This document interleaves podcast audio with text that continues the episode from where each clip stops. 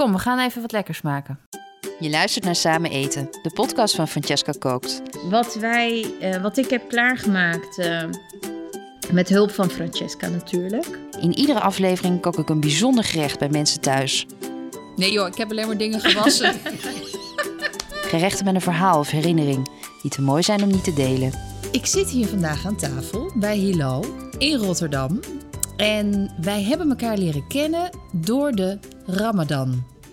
Want ik ging een dagje vasten. eh, op verzoek van mijn oudste kind. Die wilde heel graag weten hoe dat was. Dus ik deed mee. Mijn man deed ook mee. En ik eh, maakte daar een heel verslag over op eh, Instagram via de stories. En Hilal reageerde via Moons Kitchen. En jij volgde mij al heel lang. Ik wist helemaal nog niet wie jij was. En wij raakten in gesprek met elkaar. En dat was zo'n mooi gesprek over het vasten, over de Ramadan. Dat ik opeens zei: "Oh, Mag ik bij jou langskomen? Kunnen wij samen de iftar koken? Ja. Mag ik dan bij jou de iftar eten? En toen zei je: Ja, natuurlijk. En nu zit ik hier bij jou. Ja. Dankjewel. En wat leuk dat je Ja. hier een keer in mijn podcast bent. Ja, nee, hartstikke leuk ook eh, dat je er bent. En eh, ja, superleuk om samen te koken natuurlijk. En om je van dichterbij eh, te leren kennen. Hilal, wat is voor jou de Ramadan? Eh, de Ramadan, dat is een maand, eh, een maand waarin de moslims vasten van zonsopgang tot zonsondergang. Dan mag je dus niet eten, niet drinken, eh, voornamelijk. Eh, en nog een paar andere zaken wat je niet mag. eh, eh, maar we houden het even op het eten en drinken nu. Ehm, dus ook niet een slokje water. Eh, je tanden poetsen mag ook niet, want daar gebruik je water bij. Ehm, het is een maand eh, om even stil te staan bij jezelf. eh, luisteren naar je lichaam. Dat is denk ik eigenlijk het grootste gedeelte waar ik me mee bezig hou. Daarnaast, ehm, net zoals alle andere maanden in het jaar, maar in, in, in de maand Ramadan sta je wat meer stil bij eh, de mensen die het minder hebben. Eh, dus dit is ook wel een maand om heel veel eh, te betekenen voor anderen die het minder hebben. Dat betekent overigens niet dat je de rest van de maanden niks moet doen. Want ja, als je het goed hebt, dan is het alleen maar eh, beter om eh, juist te delen met anderen. Het zijn principes waar je eigenlijk altijd Eigenlijk, mee ja. leeft. Alleen tijdens de Ramadan ben je er nog meer bewuster net, van. Ja, net even, ja, bewust. Dus bewust eh, stilstaan bij alles. En eh, eh, ja, luisteren naar je lichaam. Je lichaam even een maandje vrijgeven. Ja. Want ze doen heel het jaar door eh, eigenlijk heel veel voor je. Daar staan we eigenlijk ook niet bij stil. Ja. Eh, dat je maag zijn werk doet, je slokdarm, je armen die bewegen. Daar denken we niet bij na. Maar dat zijn toch allemaal ja, hele dankbare dingen die, die er zijn. Dus, Hey, en een beetje stilstaan, dat triggert mij. Mhm. Want jij bent nogal in beweging. Ja, klopt. Daar hadden we net een heel mooi Ja. gesprek over met elkaar. Want wij hebben namelijk, eh, eh, beste luisteraars, wij hebben net al heel hard gekookt. Ja. Het ruikt hier fantastisch. Ehm, maar ik zei, nadat jij enigszins uitgepraat was... het lijkt wel alsof jij al drie levens hebt Ja, geleefd. Ehm, want, correct me if I'm wrong... je bent professioneel bokser geweest... ja, Je bent een soort horeca-tycoon geweest met verschillende restaurants. Ja. En nu ben je projectontwikkelaar. En je bent 38. Ja, Net ja, jong. ja, ja, ja. Ik dacht dat het ik druk was, maar Nee. dat weet ik niet meer. Ja, als je het mij vraagt, vind ik mezelf niet druk. Ik hoor wel heel vaak in mijn omgeving van... Hila, hoe red je dat? En hoe, hoe regel je alles? En hoe doe je dat? Waar haal je de energie vandaan? Ik denk dat ik wel... eh, dat het komt doordat ik wel... Ja, dat ik echt wel dankbaar ben voor wat ik heb. En dat ik eh, zoiets heb van... Nee, ik, stilstaan, dat is, niet, dat is niks voor mij. Of... ehm, ehm, ehm, dat ik voor, voor de raam ga zitten en naar buiten ga kijken. Vorige keer stelde iemand mij die vraag van... Kijk jij nooit naar buiten uit het raam? Nee, eh, dan ben ik wel bezig met eh, iets anders. Met koken, waarschijnlijk. Met koken, ja. Ik kook heel veel thuis. En eh tuurlijk vind ik het hartstikke lekker om eh, even op de terras eh, bij, me in de tuin te zitten. Een lekker drankje of een hapje erbij. Maar dan geniet ik dus, dan ben ik eigenlijk ook bezig met mezelf van... hé, hey, Hilal, even zitten, even genieten van al het groen om je heen. Haal even goed adem. En dat, die, die half uurtje quality time is dan ook wel voldoende. Ik kan goed. niet eh, op de, overdag op de bank liggen en... Nee, ik heb genoeg te doen. Ja. En eh, ik geniet daar ook echt heel erg van. Maar jij kan ook, eh, wat je mij vertelde, gewoon nog prima de keuken induiken na een hele lange, drukke werkdag Ja. eh, en gewoon een verse maaltijd maken. Ja, maar dat is, dat is iets wat ik van huis uit denk ik ook heb meegekregen. Dat, dat, dat, dat we altijd een salade op tafel hadden bij het avondeten. Dat we altijd met een soepje beginnen. En dat er altijd wel een vlees of een visgerecht of een kipgerecht met eh, rijst, dan wel bulgur of wat aardappelen. En eh, dat is een bepaalde eh, manier van leven waarin je wordt geboren. En als iedereen in je omgeving, in de familie, van lekker eten houdt, dan, dan groei je daarin mee. Dus dat koken is voor mij niet zozeer van, ach, moet ik weer koken? Nee, het is, het is echt, eh, ik, eh, ik hol als het ware naar huis toe om te kunnen koken. En dan kook ik. En of de kinderen nou wel mee eten of niet mee eten, ik vind het belangrijk dat ze zien dat er gekookt wordt thuis. En dat het huis dus zo, zo ruikt, want dat, dat vind ik ook wel heel belangrijk. En dat de kinderen leren eh, te koken met producten die ook gewoon vers zijn. Dat ze Ja. dat zien. Ja. En omdat ik dat zelf ook zo heb gezien, hoop ik dat de kinderen dat later ook eh, op die manier zullen doen. Dus eh, het is ook een stukje onderwijzen. En het is niet alleen van ook koken om mijn honger te stillen. Nee, want van een boterham heb je ook eigenlijk genoeg. Maar het is een bepaalde beleving ook. Ja, maar mij. koken, eh, lekker eten geeft ook plezier, Ja. geeft eh, voldoening. Ja, Eh, dat, dat, er zijn zoveel meer aspecten die met Ja. eten te maken hebben dan alleen maar het voeden. ja, zeker. En ik denk dat je daar, om even weer terug te gaan naar de Ramadan, dat je daar met de Ramadan nog bewuster van wordt. Zeker als je met elkaar eet, wat nu helaas Ja. natuurlijk dit jaar ook weer, nou ja, vrijwel niet kan. Nee, Ik, ik kan me voorstellen dat dat wel een enorme gemis is. ja. Vorig jaar was het, eh, was, was het eh, wat, ja, was, was het gemis wat meer. Dit is de tweede Ramadan dat we dus niet uitgenodigd worden of dat we geen gasten kunnen ontvangen thuis. Dus dat is wel heel apart. En toch, ja, het is net anders, maar heel het leven staat op zijn kop. En dit is een onderdeel van het geheel. Het is allemaal heel anders. Ja. Ja. Maar wat we dan wel doen, is dat als ik dan iets maak, dan stuur ik het, eh, eh, breng ik het even langs. Maar als ik dan terugdenk, dat doe ik eigenlijk heel het jaar door wel. Eh, ja, dus zo erg anders is het niet. En het hele fenomeen wat betreft het eten, samen eten, dat, dat, dat gaat gewoon niet meer. Nee, Nee, en dat is ja, echt wel een groot gemis. ja, dat snap ik. ja. Dat vind ik ook een gemis. ja. Hey, hoe ziet jouw dag eruit als je vast? Eh, de ochtenden, wanneer je mag eten, Ja. verschilt. Dat wordt ook steeds vroeger volgens mij. Hè? Eh, ja, vroeger. En je gaat dan eh, later het vaste verbreken. En ik moet heel eerlijk zeggen, van huis uit stond ik wel op in de ochtend om te eten met het sahur. Ehm, later, toen ik wat ouder werd, was het een glaasje water en, en that's it. Alleen nu, omdat Elif ook meedoet met de Ramadan, Elefisje. eh, mijn dochter, Dochter, van ja. eh 11. Eh, zij, eh, eh, eh, voor haar sta ik dan wel op. De Ja. laatste paar dagen heeft ze dan niet gevast, omdat het net te zwaar werd. Want zij hoeft op zich ook niet te vasten. Nee. Alleen zij wil het heel graag zelf. Dus dan, ja, dan is zij vrij in het eh, vasten. Want eh, net heel veel andere aspecten mag ze daar ook vrij in zijn. Eh, en speciaal voor Elif staan we dan wel op natuurlijk. Om toch, eh, eh, dus ik vind het wel leuk om met Sahur ook op te staan. Dan heb ik gewoon mijn havermoutpapje maak ik dan voor mezelf klaar. En datgene voor Elif. ja. En, eh, ehm, ja, en dan is het eh, eh, de hele dag eh, door vast je dan. Maar vasten is niet zozeer het niet kunnen eten. Vasten is ook ehm, ja, eigenlijk echt stilstaan heel de dag door. Van hé, hey, eh, net dan heb je trek, want wij hebben geen honger in Nederland, zeg ik altijd. Wij hebben trek. Eh, dan heb je trek, dan denk je van, oh nee, ik mag niet. Of vooral als ik aan het koken ben, dan eh, ehm, ik, ik lepel nooit iets uit een eh, pan. Dat eh, ook op de zaken, als de koks dat deden, dan had ik echt een hekel aan. Je moet gewoon niet eh, uit de pan eh, met je vinger. Dat, Maar dat hoe proef je dan? Nee, met een lepel. Ja, met nee, een met een lepeltje. lepel, maar wel- en dan gooi je ja, die lepeltje ja, ja, weg. precies, dus niet dat je weer dezelfde Nee. pollepel... Dat, dat, Nee, dat, eens. Nee. Nee. Maar dat gebeurt natuurlijk helaas. eh.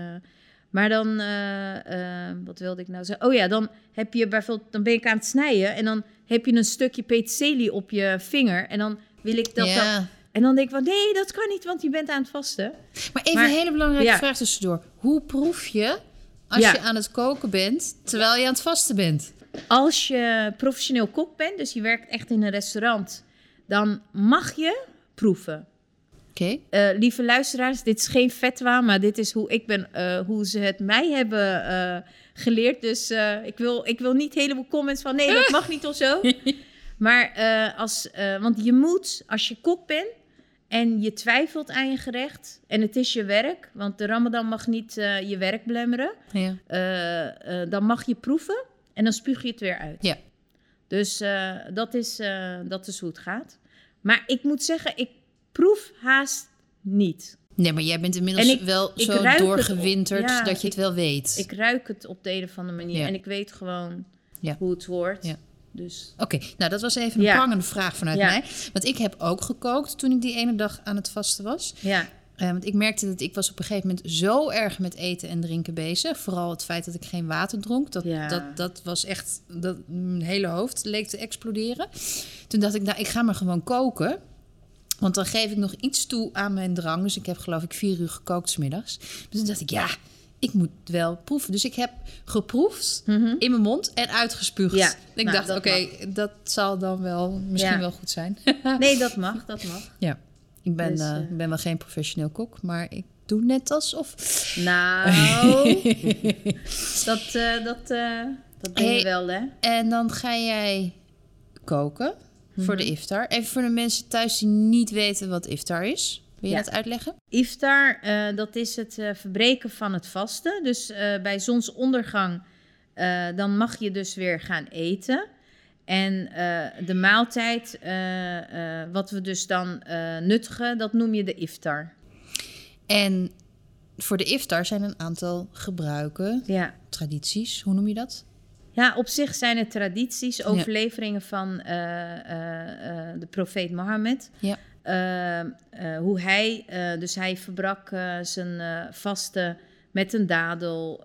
maar niet iedereen kan een dadel vinden. Dus het is niet zozeer van dat je per se met een dadel het, het, het vasten moet verbreken.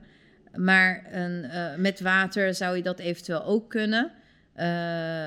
En meestal, in of je dat maakt, dat is niet religie, tenminste niet etnisch eh, eh, verbonden hoe je begint. Maar meestal is het met een soepje. Ja. Dan, ja. ja, dan, dan begin je eigenlijk. Dus eh, je hebt, de hele dag heb je niet gegeten. Als je dan gelijk een zware maaltijd zou nuttigen, dat zou niet Dat gezond komt zijn. Nee, ja. En het vasten eh, op zich, dat, dat is ook een middel om je lichaam te reinigen.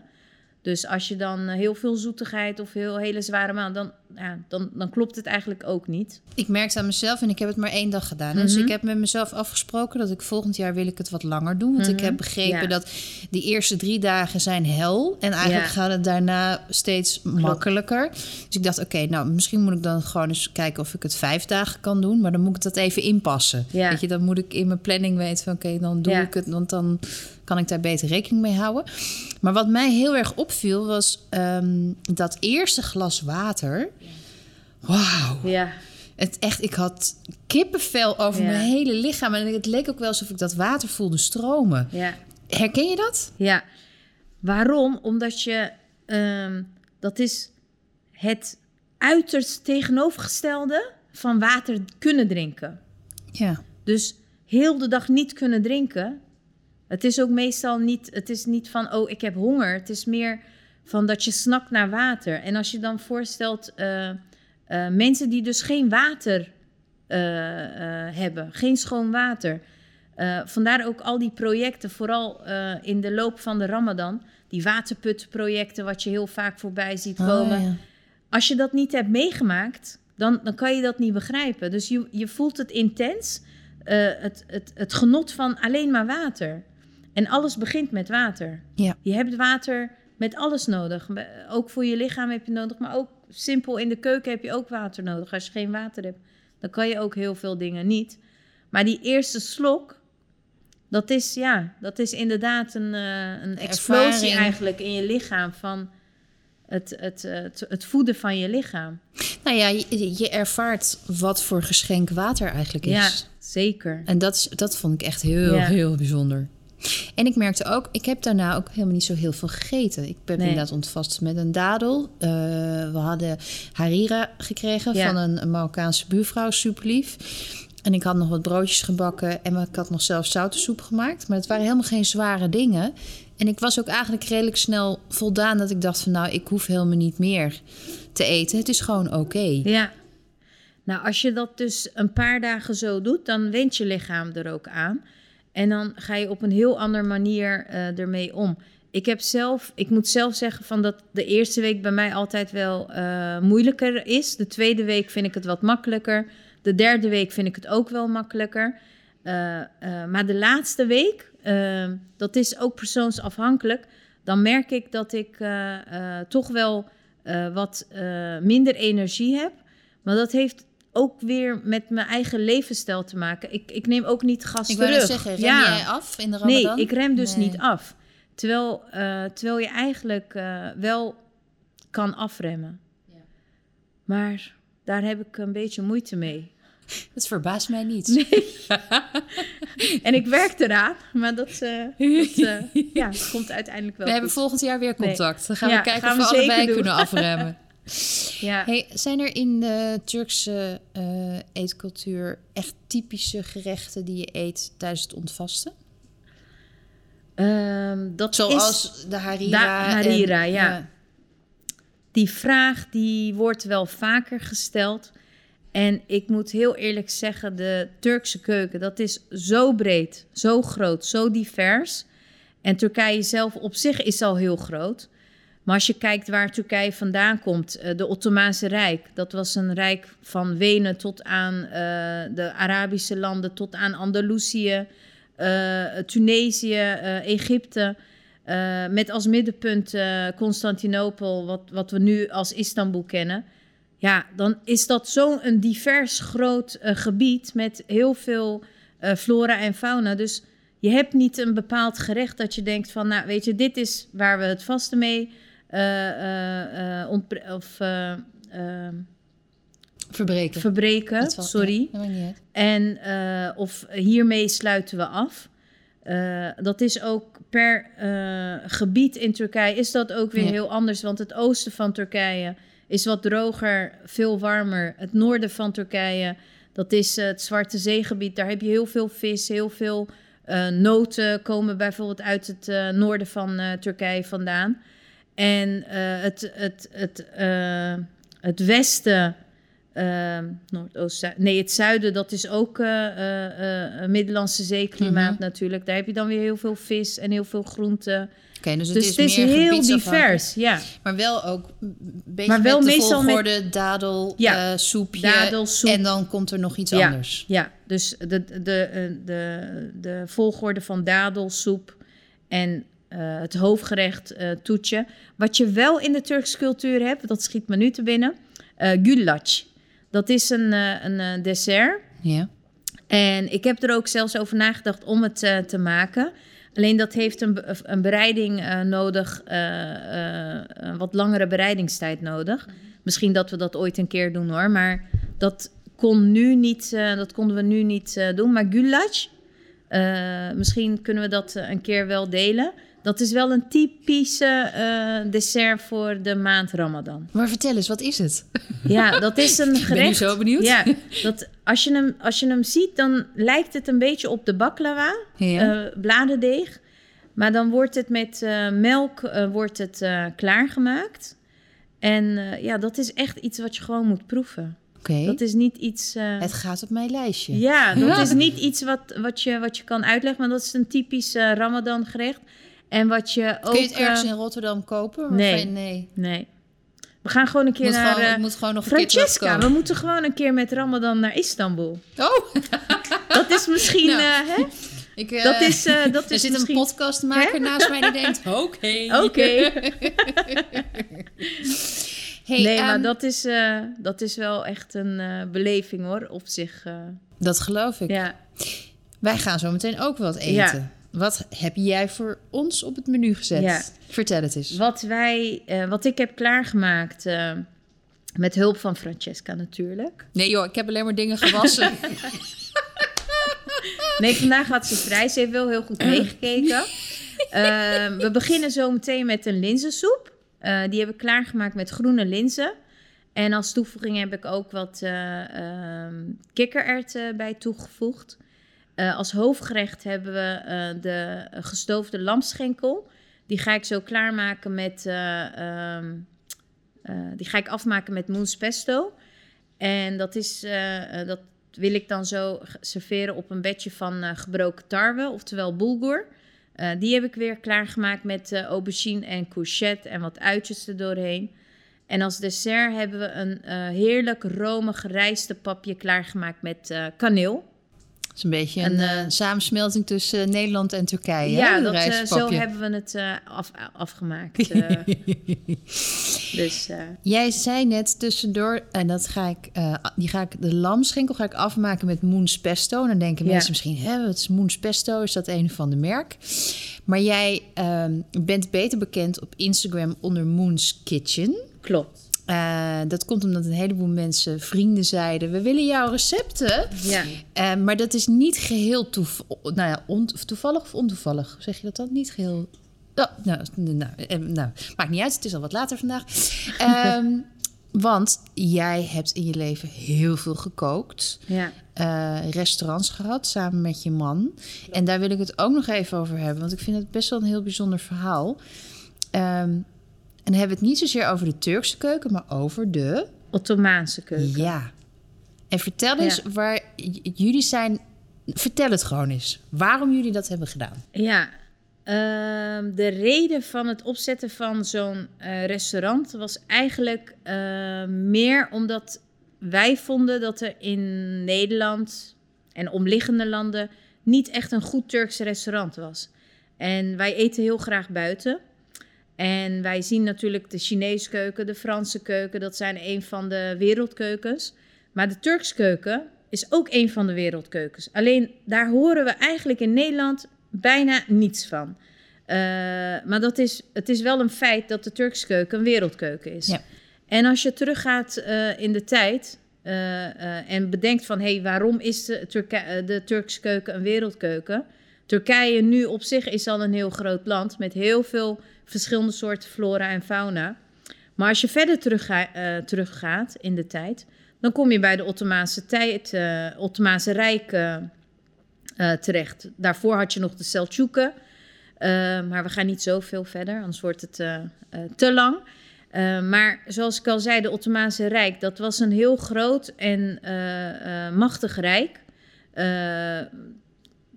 Arabische landen zaten erbij, tot aan Andalusië, om even een beeld te geven. Ja, is gigantisch. ze waren tot aan Wenen. En als je je voorstelt dat de Ottomaanse Rijk langer heeft geheerst eigenlijk dan de Romeinse Rijk en veel groter was dan de Romeinse Rijk, dan kan je al beseffen van hoe groot, hoe groot en divers dat land heeft moeten zijn. Ja. En als je bedenkt om een idee te geven, we hebben nu de EU, daar zijn dus allerlei lidstaten. Ik vergelijk de Ottomaanse Rijk eigenlijk ook een beetje als de EU. Dus heel veel landen die sloten zich bij de Ottomaanse Rijk om uh, als bescherming, maar ook als eenheid te vormen. Uh, en daar zijn natuurlijk ook heel veel andere discussies over. Maar um, als we kijken naar de verschillende etniciteiten, wat de Turks keuken nu heeft gemaakt, Mm -hmm. dat is de reden waarom de Turks keuken een wereldkeuken is, Ja. vind ik zelf. En, um, en dat is de reden waarom je dus heel veel verschillende kooktechnieken hebt, maar ook heel veel verschillende gebruik van verschillende producten eh, Ja, want jullie zijn op een gegeven moment op onderzoek uitgegaan van wat waren Ja. nou die typische gerechten. Ja, Die kon je niet overal vinden, omdat er ook een heleboel verloren was gegaan. Hoe klopt. heb je dat dan wel ontdekt? Wij zijn toen eh, in de archieven eh, van de bibliotheken in Istanbul, die, waren, die zijn gespecialiseerd in oude schriften en oude de boodschappenlijsten van de paleizen.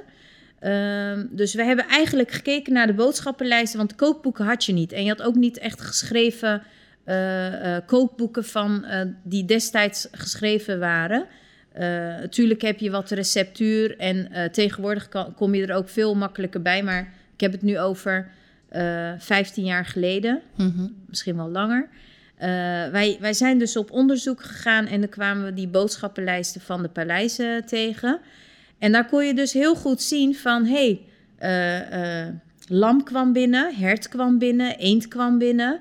eh, bepaalde soorten eh, eh, eh, groenten kwam binnen.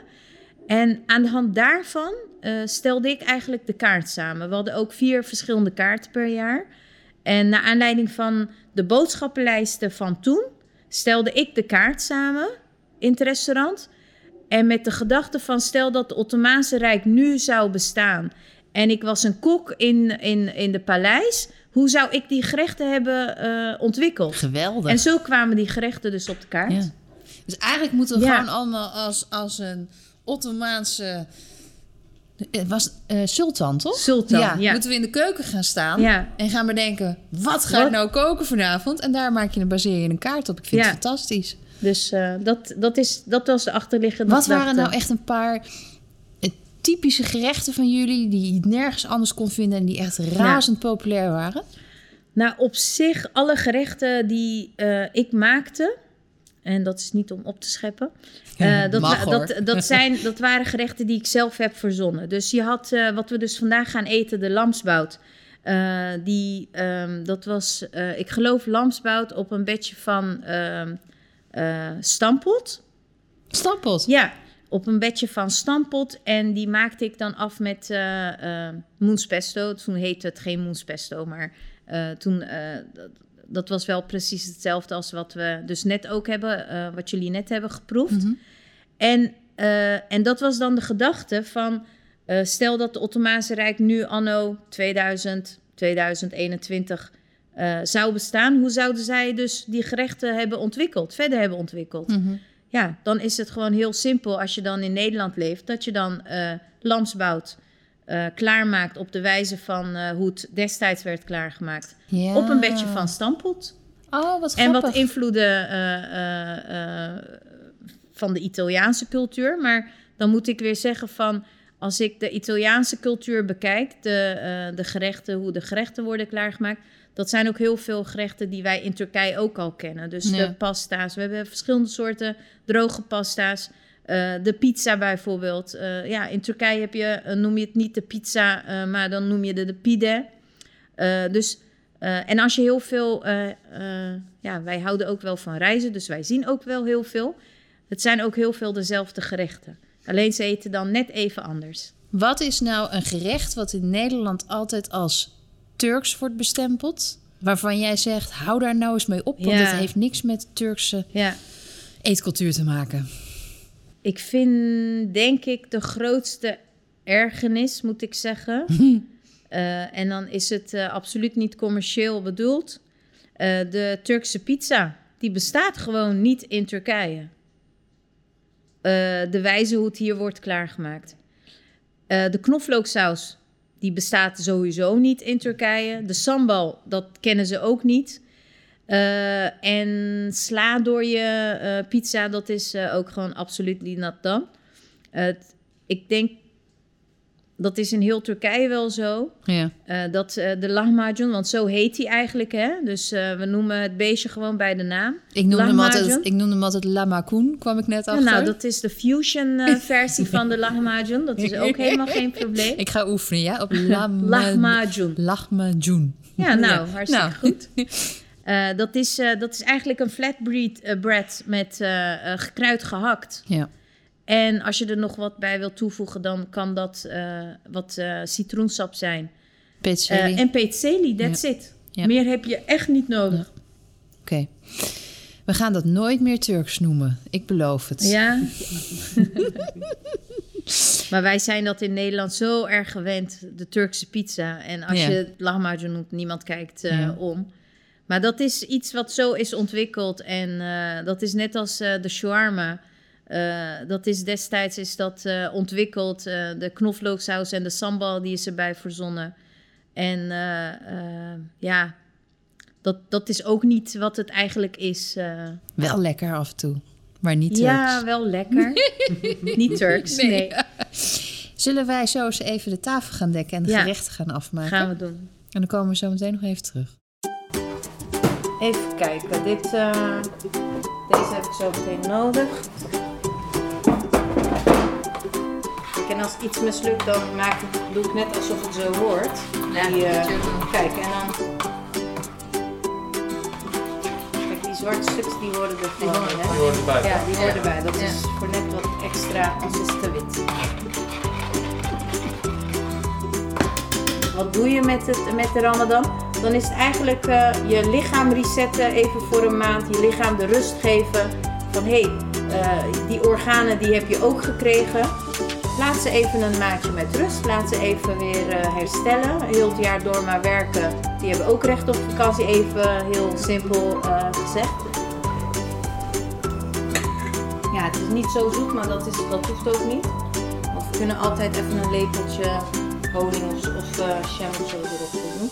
Nu ga ik deze...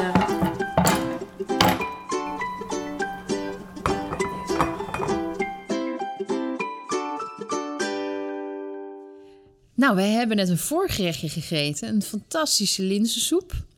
Daar krijgen wij het recept van, toch? Van jou? Ja, zeker. En wat ik ook zo bijzonder vind, is dat wij hebben er een broodje bij. Maar ik heb ook een bakje met olijfolie en granaatappel uit een colafles. Leg even uit, waar komt die vandaan? Eh, de granaatappel eh, sap is het eigenlijk Ja. in, in eh, ja, zonder enige toevoegingen. Eh, die komt uit eh Hatay, het oosten van Turkije. Eh, mijn nichtje die heeft dat daar klaargemaakt en die krijg ik elk jaar mee.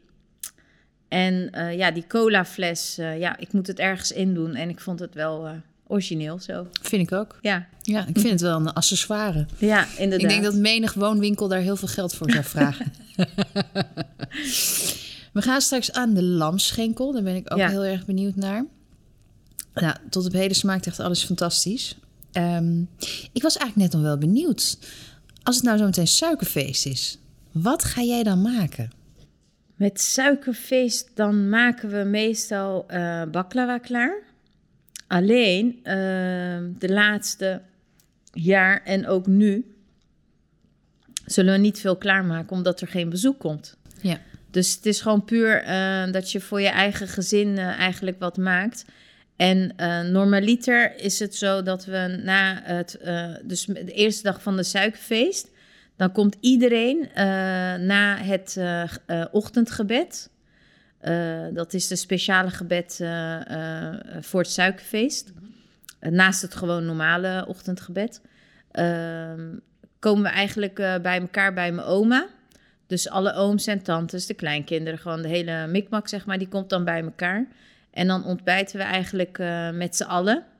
En als dan mijn opa of oma dan in Turkije zijn, dan is het eh, de oudste van de familie. Dat is dan mijn vader. Dan komen we bij mijn vader bij elkaar, bij, met iedereen. En, eh, en dan eten we eigenlijk met z'n allen. En daarna ga je bij iedereen langs. En dan krijg je dus baklava of zoetigheid voorgeschoteld. Alleen, ja. COVID, dat, ja. Dat eh, heeft... eh, ja, ik wil niet zeggen alles verziekt, want nu beleef je het toch op een andere manier. Het was eerst heel erg veel hollen van daar naar daar. En nu eh, is het toch wel wat rustiger. Alleen die, die sfeer, dat, dat proef je niet meer. En de baklava's, ja, die proef je ook wat minder. ja. Omdat ze niet gemaakt ik wou worden. net zeggen, ze worden Ja. niet gemaakt. Dus eh, Ik vind dat wij ehm, nog een keer moeten afspraken.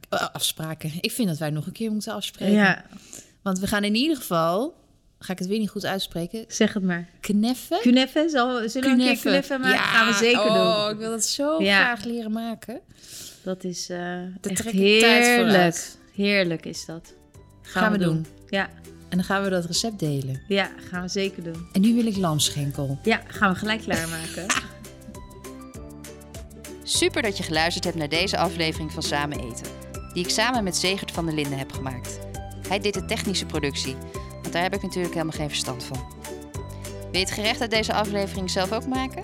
Kijk dan voor het recept op francescacook.nl. Volgende maand kook ik weer een bijzonder gerecht. Vergeet je niet te abonneren op mijn podcast. En er verschijnt een nieuwe aflevering vanzelf in je stream. Tot dan!